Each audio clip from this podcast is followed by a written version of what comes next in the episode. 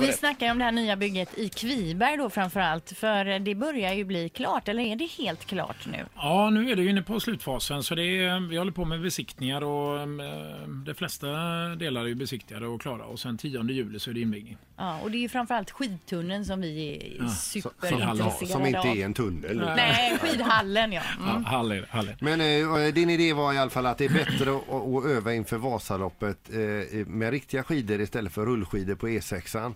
Eh, så, så kunde man ta, spänna på sig riktiga skidor och åka skidor året runt här då. Ja, precis. Så, det, så är det. Hur långt kan man åka det Regnar? Det är ungefär 1,1-1,2 kilometer beroende lite grann på hur man drar eh, spåret. Då. Och hur jobbar ni med snön?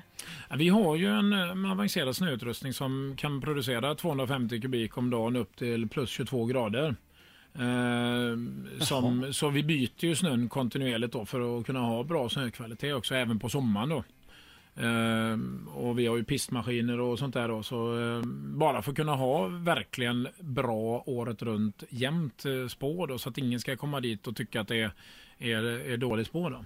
Men hur funkar det här då? Är det temperaturen inne i tunneln? Själva lufttemperaturen? Ja. Kommer den variera eller kommer det vara konstant? Eh, Den är ju mm, mellan 2 till minus, eh, minus 2, minus 4 eh, konstant.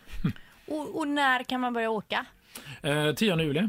Ja, jag har redan tjuvtränat. Du har Du har ja. gjort det? Men 10 juli, är det invigning då för hela arenan? Ja, eh, vi har en liten eh, eh, VIP-invigning 9 juli först då där vi eh, nära och kära eh, träffas, de som varit delaktiga på ett eller annat sätt. Och sen är det en större invigning i, i, längre fram i september för allmänheten. Då gör vi en stor grej då Ja. efter semestern. Vad, vad räknar man med att det ska komma i besöksantal? Hur många kommer att åka i den här tror man?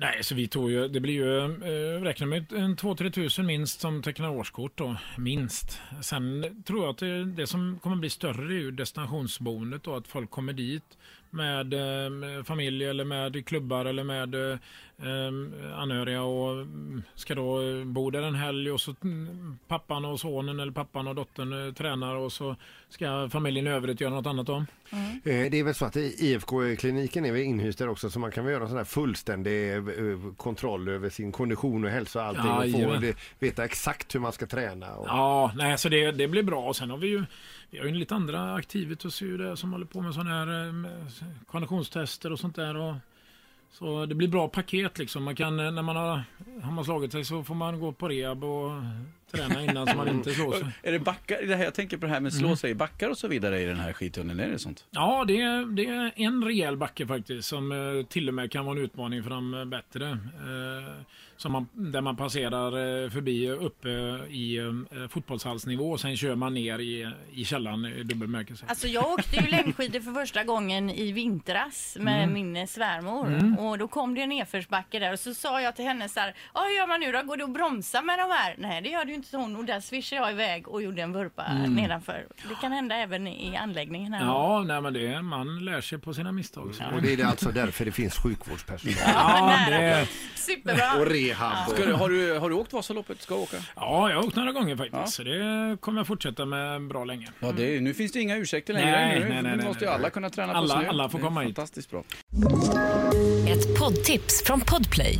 I fallen jag aldrig glömmer djupdyker Hasse Aro i arbetet bakom några av Sveriges mest uppseendeväckande brottsutredningar. Går vi in med hemlig telefonavlyssning och, och då upplever vi att vi får en total förändring av hans beteende. Vad är det som händer nu? Vem är det som läcker? Och så säger han att jag är kriminell, jag har varit kriminell i hela mitt liv men att mörda ett barn, där går min gräns. Nya säsongen av Fallen jag aldrig glömmer på Podplay.